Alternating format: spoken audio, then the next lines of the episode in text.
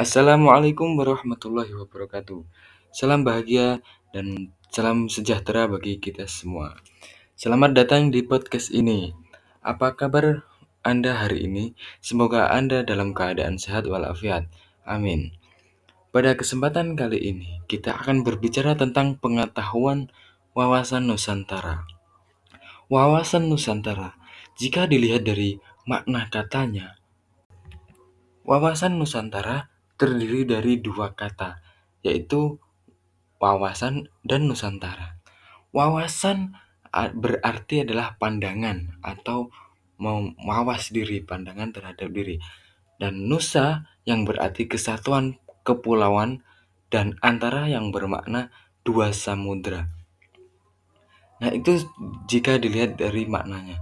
Setelah tahu secara makna, kita perlu tahu bagaimana pengertian pengertiannya, konsep, hakikat, dan tantangan wawasan Nusantara. Apa sih definisi dari wawasan Nusantara?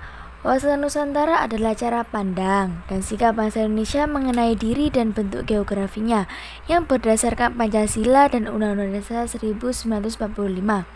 Dalam pelaksanaannya, wawasan Nusantara mengutamakan kesatuan wilayah dan menghargai kebinekaan untuk mencapai tujuan nasional. Nilai-nilai Pancasila mendasari pengembangan wawasan Nusantara. Nilai tersebut adalah penerapan HAM.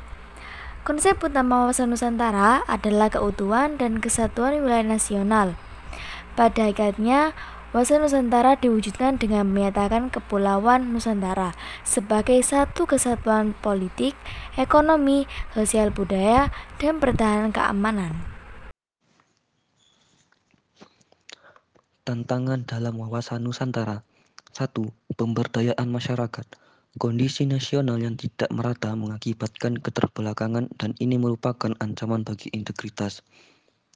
Hal ini merupakan ancaman bagi tetap tegak dan utuhnya NKRI, maka diperlukan prioritas utama pembangunan daerah tertinggal. Yang kedua, dunia tanpa batas. Perkembangan iptek, perkembangan global saat ini sangat maju dan pesat, seakan dunia sudah menyatu menjadi kampung sedunia. Dunia menjadi transparan tanpa mengenal batas negara, sehingga dunia menjadi tanpa batas. Kondisi ini dapat mempengaruhi pola pikir, pola sikap, dan pola tidak tindak seluruh masyarakat Indonesia di dalam aspek kehidupannya. Yang terakhir, era baru kapitalisme. Kapitalisme adalah sistem ekonomi yang didasarkan atas hak milik swasta atas macam-macam barang dan kebebasan individu untuk mengadakan perjanjian dengan pihak lain berkecimpung dalam aktivitas-aktivitas ekonomi yang dipilihnya sendiri berdasarkan kepentingan sendiri. Strategi untuk bertahan dalam era kapitalisme yaitu keseimbangan antara paham individu dan paham sosialis. Dalam lingkup wawasan Nusantara, ada berbagai masalah yang menjadi sorotan publik.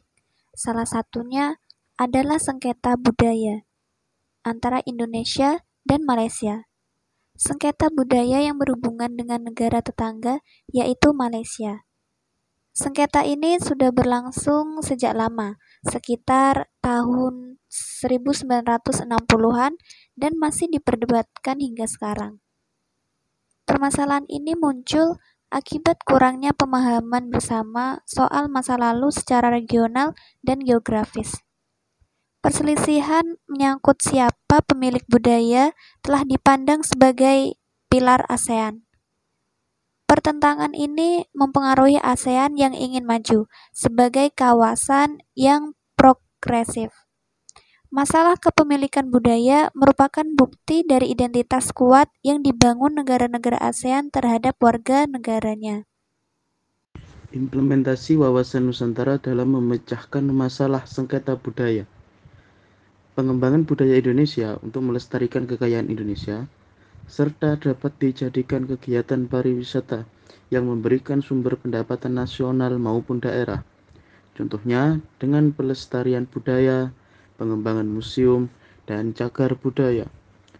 Membangun rasa persatuan dengan membangun solidaritas dan hubungan erat antara warga negara yang berbeda daerah dengan kekuatan dan keamanan serta mengembangkan kehidupan bangsa yang serasi antara masyarakat yang berbeda dari segi budaya, status sosial, maupun daerah.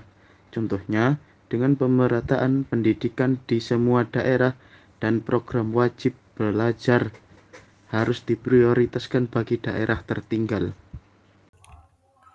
Sebagai warga negara yang baik, kita harus memahami cara pandang terhadap bangsa Indonesia sendiri. Di dalam dunia ini pasti ada yang namanya perubahan. Dan perubahan itu kita harus dapat menyesuaikannya. Kadang perubahan itu baik dan terkadang perubahan perubahan itu buruk. Lunturnya rasa cinta terhadap budaya Indonesia sendiri merupakan salah satu faktor hilangnya budaya dan budaya tersebut dapat diakui oleh negara lain. Ya sebagaimana sengketa budaya yang tadi sudah disampaikan.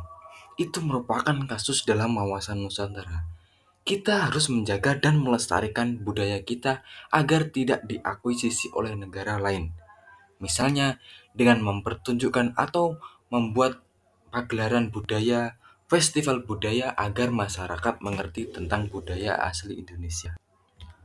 Untuk itu, kita harus siap menghadapi tantangan yang mengganggu wawasan Nusantara. Berkembangnya teknologi juga mempengaruhi sebuah negara. Apakah negara itu semakin berkembang atau malah sebaliknya? Dunia tanpa batas juga menjadi faktor yang dapat mengganggu pola pikir dan pola tindak warga negara.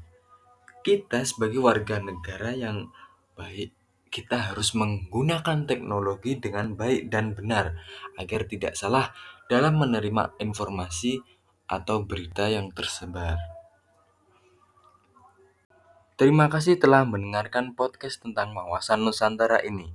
Semoga dapat menambah wawasan pengetahuan Anda dan semoga bermanfaat bagi Anda, teman-teman Anda, dan keluarga Anda. Terima kasih dari saya. Sekian dan sampai jumpa.